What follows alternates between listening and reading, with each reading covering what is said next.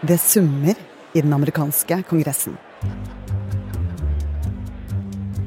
De brune benkene i Representantenes hus, som danner en stor halvsirkel, er fulle.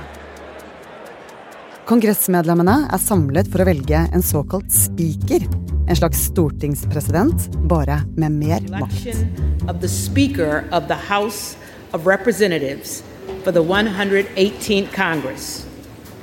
Nominations are now in order. Noe som pleier å være en ganske grei prosess. En ren formalitet.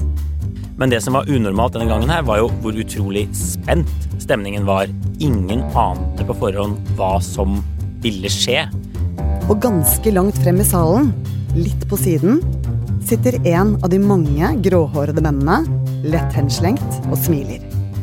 Han heter Kevin McCarthy og har lenge ønsket å bli speaker.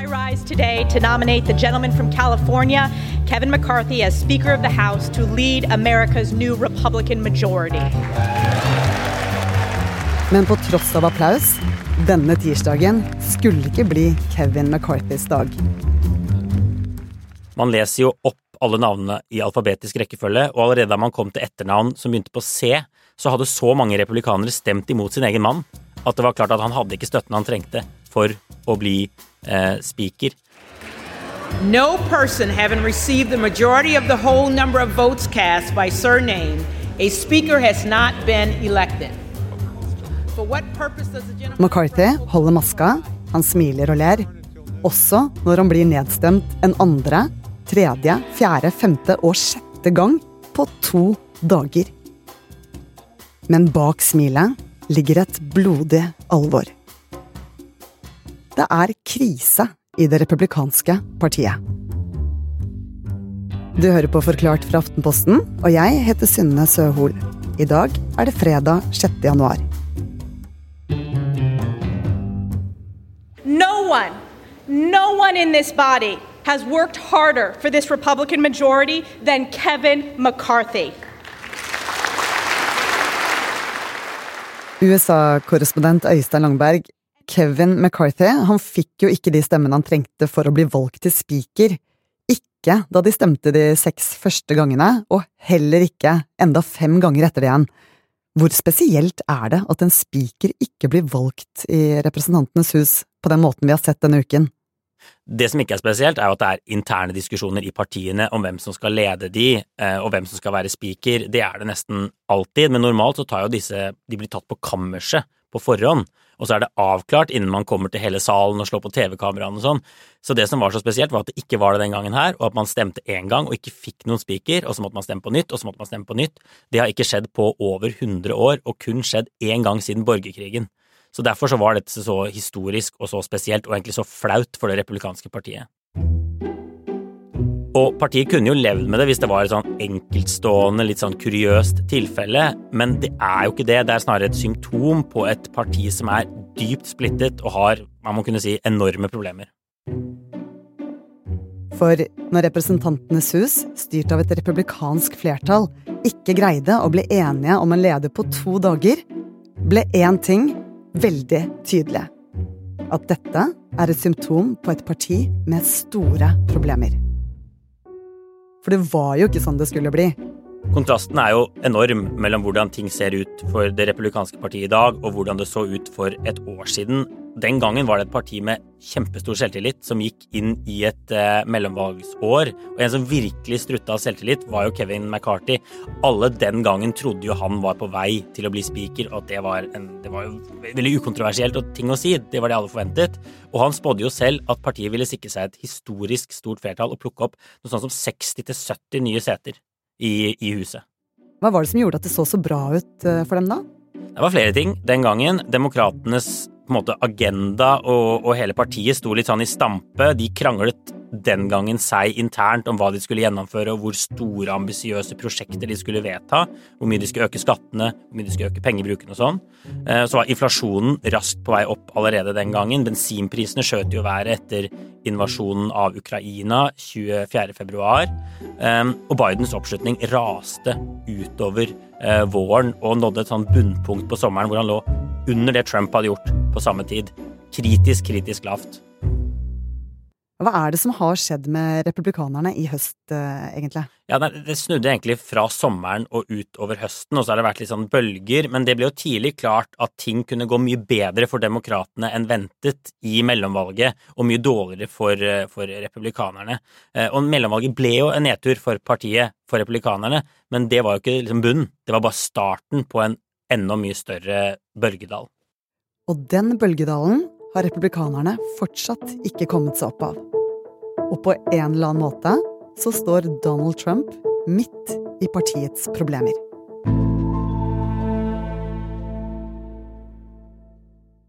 Året 2022 sluttet jo ganske dårlig for det republikanske partiet, og så må vi si veldig dårlig for eh, Donald Trump. Kandidatene han selv hadde plukket ut, gjorde det veldig dårlig i mellomvalget. Skuffet stort der. Og etter det så kom han med sånn famlende lansering av sitt eget presidentkandidatur, som, som mange beskrev som fryktelig kjedelig, og som selv Fox News valgte å ikke sende hele av, som er en stor smell for Donald Trump. Eh, og etterpå så, så spiste han middag med en høyreekstrem eh, person. Så det var bare en sånn rekke med skandaler og ting som, som hopet seg opp på Trump. Og like før jul, da, så gjorde demokratene seg klare for å gi fra seg makten i Representantenes hus til republikanerne, eh, og da valgte de også å publisere selvangivelsen til Trump. Før jul begynte problemene å hope seg opp for den tidligere presidenten.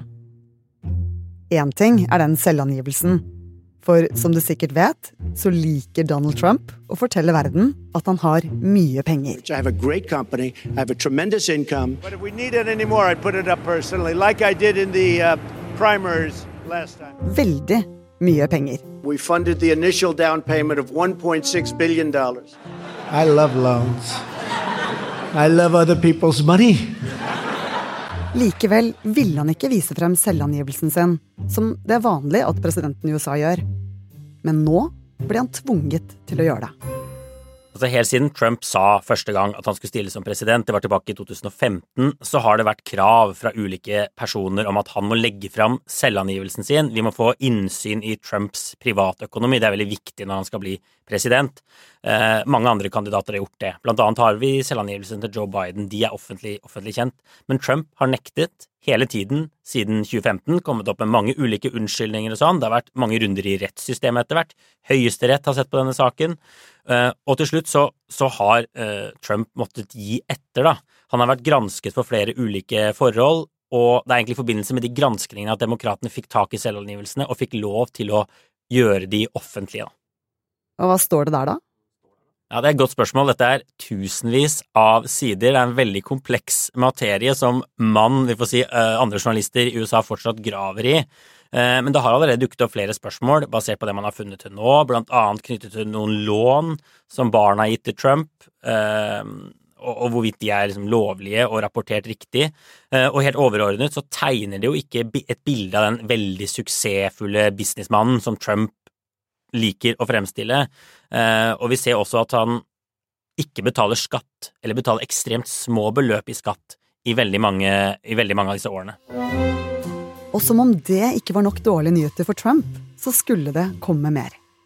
For komiteen som ble opprettet etter stormingen av Kongressen 6.1 i 2021, og som består av både demokrater og republikanere, den komiteen anbefalte at Trump skulle tiltales for å ha oppfordret til opptøyene. Det er en enstemmig granskingskomité som vil at det reises straffesak mot tidligere president Donald Trump i USA.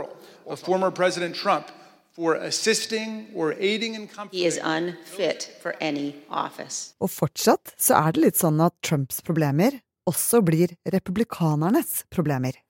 Trump har jo i alle fall inntil nylig fortsatt blitt sett på som en slags sånn uformell leder av partiet. Han har hatt et veldig godt grep om republikanske kjernevelgere. 70-80% sier at de har et eh, positivt bilde av Donald Trump, egentlig fortsatt. Det til tross for alle etterforskningene, alle granskningene, alt som har skjedd med Trump gjennom disse årene. Også inntil nylig så var det også et stort flertall som sa vi vil at Trump skal være vårt partis kandidat i 2024, vi vil at han skal stille igjen. Men det var egentlig frem til mellomvalget i høst. Etter det har Trump fått noe han egentlig ikke har hatt på denne måten før, et stort taperstempel. Og det er kanskje et mye større problem for Trump enn alle disse granskningene, alle disse selvangivelsene, alt dette 6. januar-greiene, at det begynner å stinke tapere han. Um, En av årsakene til det er jo at alle disse kandidatene han hadde håndplukket til mellomvalget, gjorde det veldig dårlig i viktige vippestater. Demokratene gjorde det mye bedre, de beholdt eh, masse makt rundt omkring i USA, også i senatet i Washington DC. Og dette har gjort at de interne kritikerne, republikanske kritikere av Trump, har blitt mye mer høylytte de siste månedene. De eh, viser nå til at Trump egentlig har gjort dårlige valg både i 2018, i 2020 og nå da i 2022. Og han fremstår mer og mer som en slags sånn splittende figur i et parti som jo har borgerkrigslignende tilstander for tiden.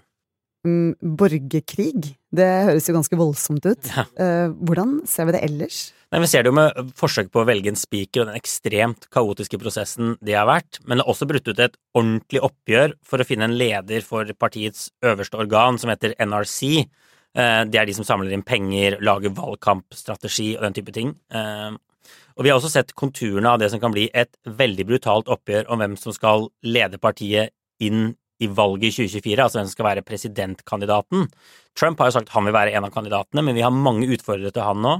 En av de er Ron DeSantis, guvernøren i Florida. Han gjør det bedre og bedre på målingene.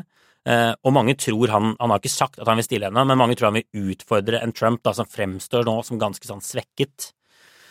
Men problemet er jo at Trump neppe vil gi etter uten kamp, eh, og han har truet med at han vil offentliggjøre masse skadelig informasjon om DeSantis. Han sier det er ingen som kjenner DeSantis så godt som meg, bortsett fra kona hans, kanskje. Og mange lurer på hvordan DeSantis og disse andre vil klare seg på eh, en debattscene mot sluggeren Trump, da. Og republikanernes problemer blir ikke mindre av at demokratene gjør det ganske bra om dagen. Et parti som ser ut til å ha samlet seg bak 80 år gamle Joe Biden. Det er ikke endelig bekreftet at Joe Biden tar gjenvalg som presidentkandidat for demokratene, men mer og mer tyder nå på det. CNN meldte nylig at avgjørelsen i praksis er tatt allerede. Um, og hvis Biden stiller, så vil han neppe få noen andre sterke utfordrere i eget parti imot seg. Så da blir liksom det mest en formalitet å velge kandidaten for 2024. Eh, en slags kroningsferd, da, om du vil i potensielt veldig stor kontrast til republikanerne. Så du kan få en situasjon hvor demokratene kan snakke om det de vil, ha ett budskap, trekke i samme retning, mens det er fullt kaos på republikansk side. Og det kan jo være veldig bra for, for venstresiden da, i USA. Men da er det jo avhengig av at Joe Biden er riktig kandidat også. Hvordan går det egentlig med ham om dagen? Mm. Altså, det kunne jo vært en egen episode i seg selv å gå gjennom måte, Bidens siste år.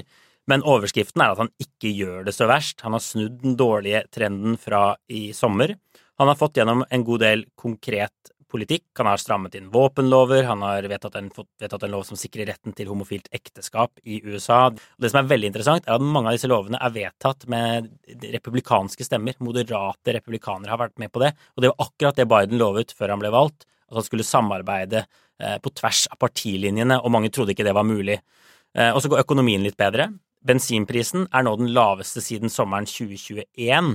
Eh, og så vet vi jo ikke hvordan ting går i år med økonomien, og det er absolutt mørke skyer på horisonten, men, men ingen tvil om at ting ser langt lysere ut nå enn de gjorde for ganske kort tid siden for Biden. Så på en måte så har da vinden snudd for begge partier, sånn at det som skulle bli jubelårene for republikanerne frem mot eh, valget i 2024, ser nå til å bli ganske mye tøffere, mens demokratene de kan bare lene seg tilbake og glede seg til 2024? Ja, så enkelt er det nok ikke. Altså, for det første kan ting snu ekstremt raskt i amerikansk politikk. Um, og det er jo ikke sånn at demokratene alltid er skjønt enige om alt uh, heller. Og så hører det jo med til historien at Biden er en svært gammel mann, 80 år, uh, og fortsatt ingen sånn Han gjør det bedre. Han er ingen superpopulær president, så det er en del usikkerhetsmomenter her. Og det er det ikke bare for demokratene, men også for USA som helhet. Uh, republikanerne og demokratene de må finne en måte å styre Washington sammen på de to neste årene. De må få gjennom budsjetter, de må blant annet heve dette såkalte gjeldstaket, som er veldig viktig for å holde økonomien gående. Og hvis de ikke klarer det, så kan USA, og med det hele verdensøkonomien, ende opp i en dyp, dyp krise. Og den kaotiske prosessen vi har sett i Kongressen de siste dagene, som altså handla om noe som skulle være veldig, veldig enkelt, at republikanerne skulle finne seg en leder og en spiker, eh, har satt en støkk i mange. Der var det ikke mye kompromissvilje å spore, og det er kanskje ganske dårlig nytt for USA fremover.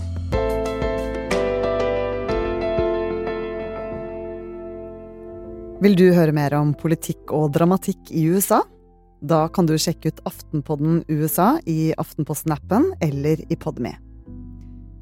I denne episoden har du hørt USA-korrespondent Øystein Langberg forklare problemene i det republikanske partiet. Og lyden er hentet fra nyhetsbyrået AP, CNBC, Fox News, Today, PBS og NRK. Det er produsent Philip A. Johannesborg, David Vekoni og meg, Synne Søhol, som har laget denne episoden. Og resten av Forklart er Jenny Førland, Marit Eriksdatter Gjelland, Anne Lindholm og Anders Weberg.